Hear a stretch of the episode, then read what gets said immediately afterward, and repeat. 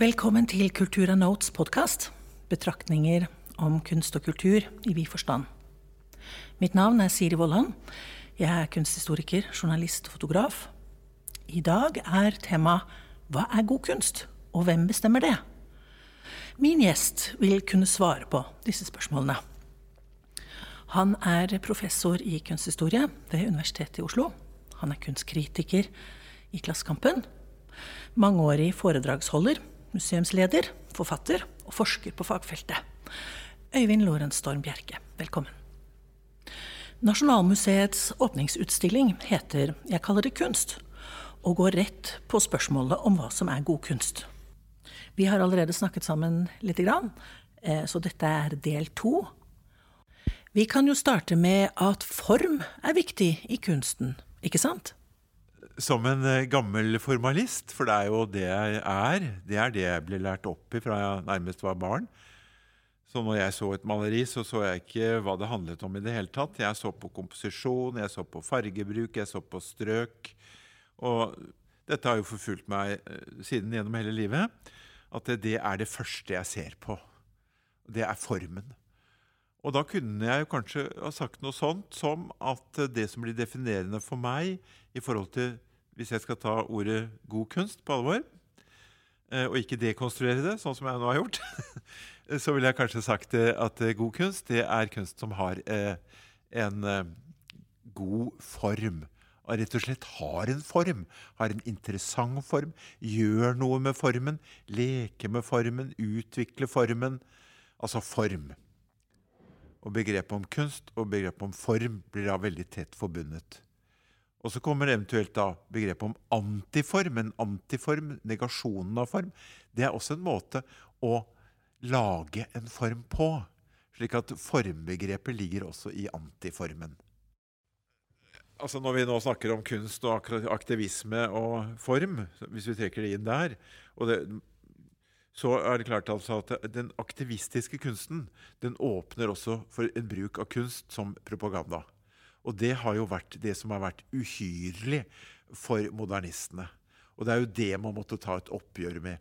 Og dermed også denne veldige konsentrasjonen om form, form, ikke form, løsrevet fra formål. Så man må gjøre en veldig skarp distinksjon mellom form og formål i tenkningen rundt kunst og kunstbegrepet og diskusjonen om kvalitet. Eh, og det er veldig viktig, for hvis du ikke gjør den distinksjonen, da havner du opp med en påstand av type Ja, nazistene de var jo så opptatt av form. Og Goebbels, den måten han former bildet av nazismen og bruker dette i sin propaganda, det må jo da gjøre han til en av 1900-tallets største kunstnere. Eh, og da blir jeg litt sånn svar eh, skyldig. Eh, hvis jeg ikke nettopp poengterer at du må skille også mellom form og formmål. Og formen den må da ikke settes i arbeid for et formål som er utenfor kunstens domene. Dette er jo den kantianske paradigmet, kan du si.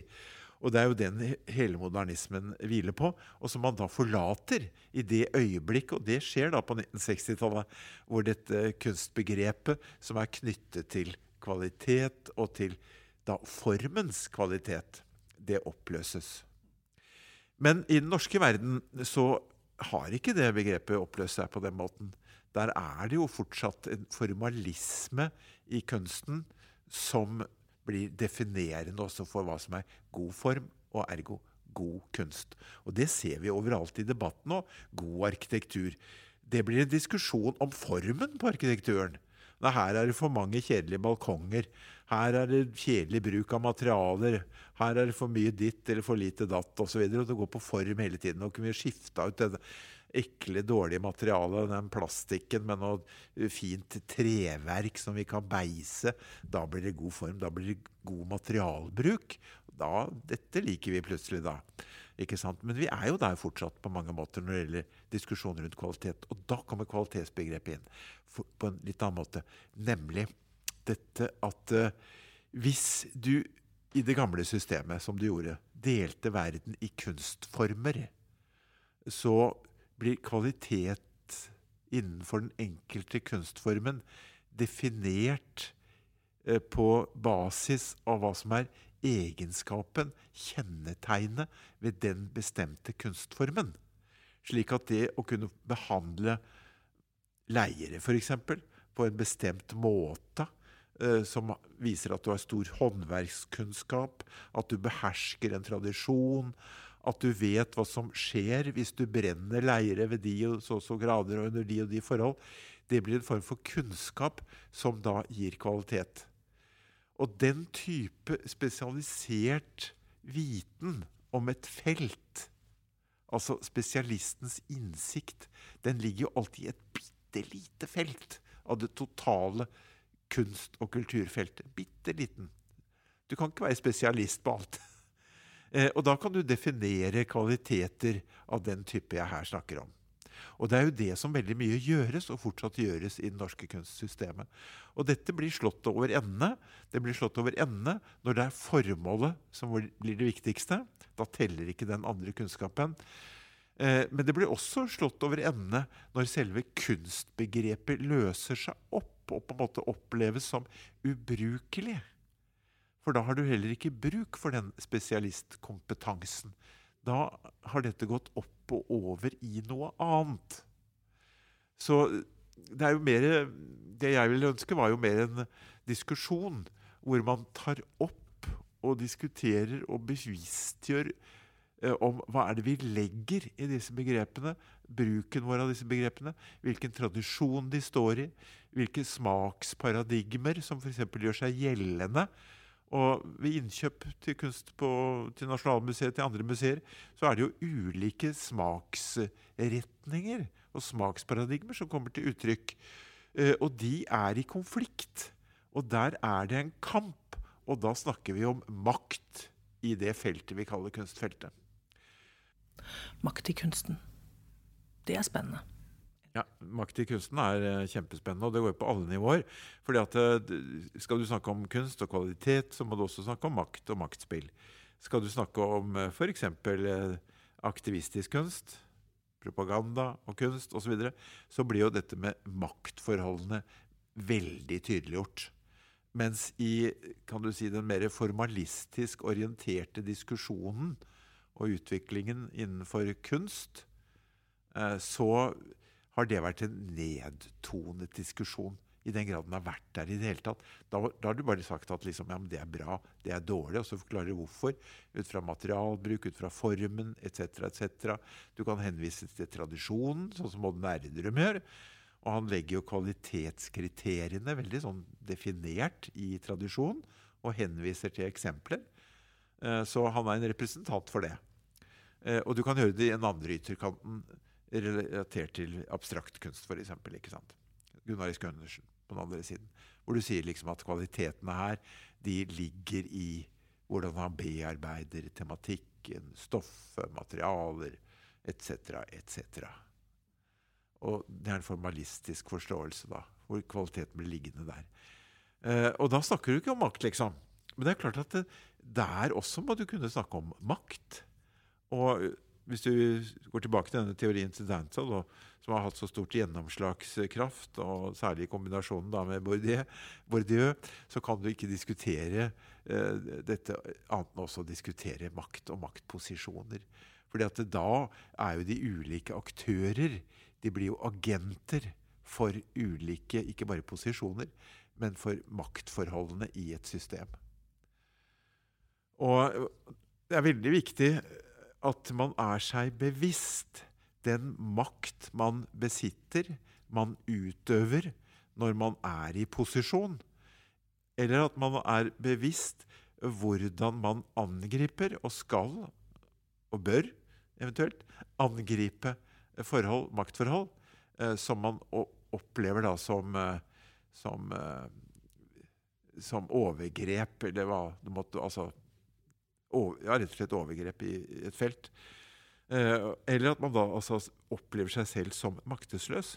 Da må man også undersøke den situasjonen og spørre seg hvorfor opplever jeg min posisjon som maktesløs. Hva er det som gjør at jeg er maktesløs i dette feltet? I, I, næringslivet så har man jo formell makt, også uformell makt. Jeg regner med det er også innen kunsten. Ja da, det er jo helt klart. Eh, altså Den formelle makten den ligger jo i den posisjonen du har, som er en definert posisjon, som f.eks. professor ved universitetet, direktør for Museet for samtidskunst etc. etc. Der er maktposisjonen eh, nokså definert, og en formell makt. Denne uformelle makten, eh, den ligger jo kan være helt uavhengig og frikablet fra det. Men svært ofte er jo dette også det henger sammen. Altså at en eh, totalt inkompetent person plutselig blir direktør for et museum. Da får du masse makt, og da får du en formell makt. Men du får også en svært ofte, og svært ofte har du kommet til den posisjonen pga. den uformelle makten. Så den relasjonen der er jo veldig interessant å se på. Og det er kjempeubehagelig å bli utsatt for en maktkritikk av den typen som både ser på den uformelle siden i den makten en eller annen aktør besitter, og den formelle makten. Den formelle makten den er, som regel er uproblematisk. Der er posisjonen gitt, den er definert av samfunnet, den er beskrevet på en måte. Og, og du har ganske klare kriterier hva som gir deg den makten. Men den uformelle makten, da er du i vanskelig terreng. Og det er også, de fleste vil ha seg frabedt av å bli tillagt mye makt eh, som er av uformell karakter. De skal ha seg frabakt, og de benekter det. De har ikke det, sier de. Selv om alle skjønner at det har de faktisk.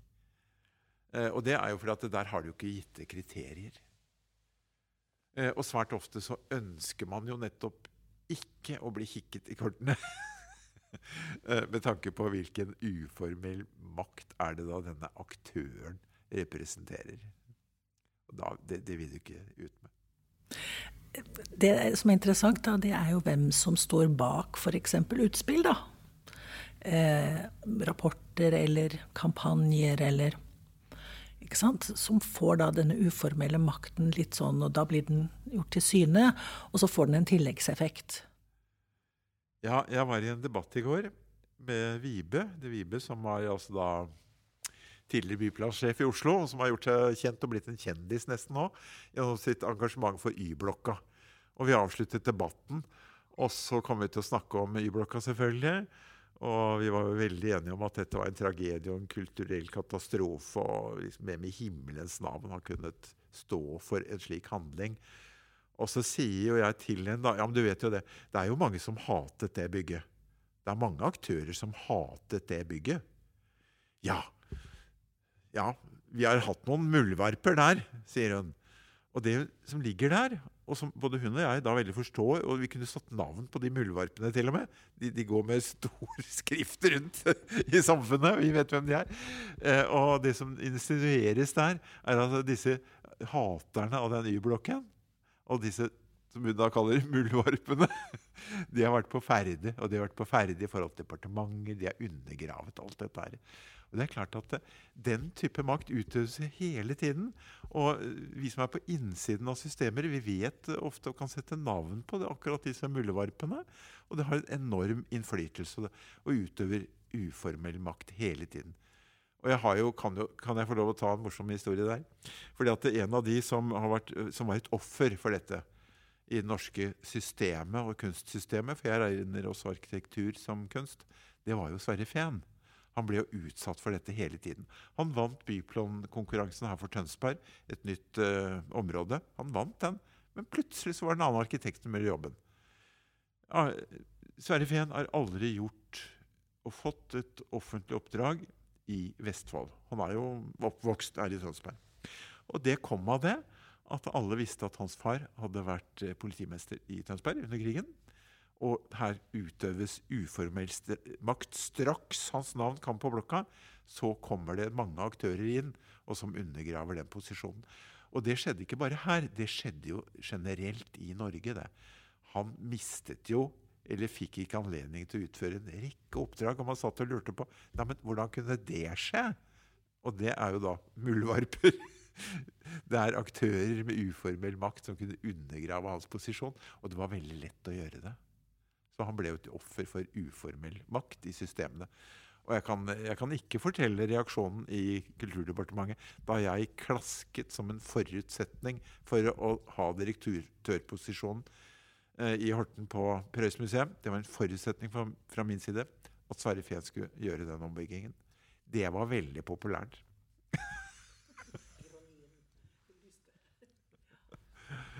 Men jeg trumfet det gjennom. Men uh, det var uh, Og da merket du at det var slett ikke populært hos veldig mange. Og veldig mange som også nettopp har hatt denne type uformell makt. Så Y-blokken ble også et, tror jeg nok, et offer for at her var det veldig mange aktører som utøvde en uformell makt. Som har det. Og det gjelder kunst også i høy grad. Mm. Og da kom jo markedsverdi og penger, salg av kunst ganske raskt. Ja, det er, dette er et veldig interessant spørsmål i en norsk kontekst. Altså, Det norske markedet er jo veldig spesielt i forhold til det norske kunstsystemet. Og det ser du f.eks. i statsbudsjettet nå, hvor det gis 100 millioner kroner til kunstnere. Og stipender osv. Altså, du legger veldig masse penger inn i produksjonsleddet av systemet. Men du legger ikke penger i andre ledd i systemet på samme måte og i samme grad. Og Det betyr at vi i Norge har et system som, eh, hvor veldig mange av våre viktigste kunstnere har gjort seg fullstendig uavhengig av markedsmekanismer. Eh, så spørsmålet om salg og ikke-salg er uinteressant i forhold til svært mange av våre mest interessante og beste kunstnere. For de er på en helt annen planet. Og de, deres næringsgrunnlag det ligger i å skaffe posisjoner i det systemet som gjør dem da uavhengig av marked, og markedsmekanismer. Og så har du den andre delen, som er den eh, delen av kunstnere som eh, har gjort seg avhengig av systemet. Og der har du folk som Bjarne Melgaard og Sverre Bjertnæs og en rekke andre aktører. Og Sverre Bjertnæs er f.eks. ikke innkjøpt av Nasjonalmuseet, men er en av de største aktørene blant yngre kunstnere innenfor det du kunne kalle det kommersielle systemet. Og altså da lever på markedets premisser. Og det gjør jo Bjarne Melgaard også. Og dette er jo kunstnere, og særlig Bjarne er jo et veldig godt eksempel, som har gjort fantastiske produksjoner. Det krever jo vanvittig med penger. Vi snakker om millioner av kroner som han pløyer inn i den ene produksjonen etter den andre. Nå jobber han jo med VR og VR-teknologi, og det er på et kjempenivå som alt han har gjort, er på veldig høyt nivå. Om han går inn i motebransje eller hva det måtte være, så er det liksom toppnivå. Og hvor pengene selvfølgelig bare ruller og ruller. Og her er det ikke noe statsstøtte å få. Her er det ikke noe stipender å få. Eh, altså Monner For han kan, ja, kunne få kanskje noen hundre tusen i stipend. Det betyr jo ingenting i den type økonomi som han er inne i. Og som er helt avhengig av at det ruller og går. Og det er totalavhengig av at uh, han har et marked, og at tingene beveger seg. Og Da må vi jo tilbake til Marx da, og minne om at en verdi, eh, markedsverdi, den er knyttet til sirkulasjon. Ingenting får en verdi ved bare å ligge stille. Altså en gullbarre som ligger bak i min, nedgravd i min hage i 500 år. Den har ikke noen verdi før jeg får den opp av jorda og satt den i sirkulasjon. Og Derfor må vi se på disse sirkulasjon og sirkulasjonskretsløpet, eh, rett og slett. og også det økonomiske kretsløpet. Og da er det altså slik at en del eh, av kunstvirksomheten og produksjonen i Norge er blitt frikoblet fra sirkulasjon. Og det ble jo også bemerket da når det gjaldt dette med statsbudsjettet nå, at det er institusjoner som skal gi eh, den del av bidraget i økonomien som er vederlag, de har ikke fått noe mer. Man kunne jo snudd eh, hele denne logikken på hodet og si at nei, nå slutter vi å legge så mye penger i produksjon, for det her er overproduksjon. Så nå legger vi pengene i det som kan få dette til å sirkulere. For eksempel, det kan være i form av vederlag knyttet til utstillinger. Eller det kan være å stimulere de mekanismene som er da rene markedsmekanismer. Få folk til å kjøpe mer kunst, få ordninger på det, få det til å lønne seg i større grad, og sirkulere denne kunsten. Både fra kunstnerens side, fra galleristenes side, fra andre typer institusjoner, kunstnersentre, museer osv. Få fart på sirkulasjonen. Det vil være den andre måten å tenke på dette på. Ja, det er fantastisk. Tusen takk skal du ha.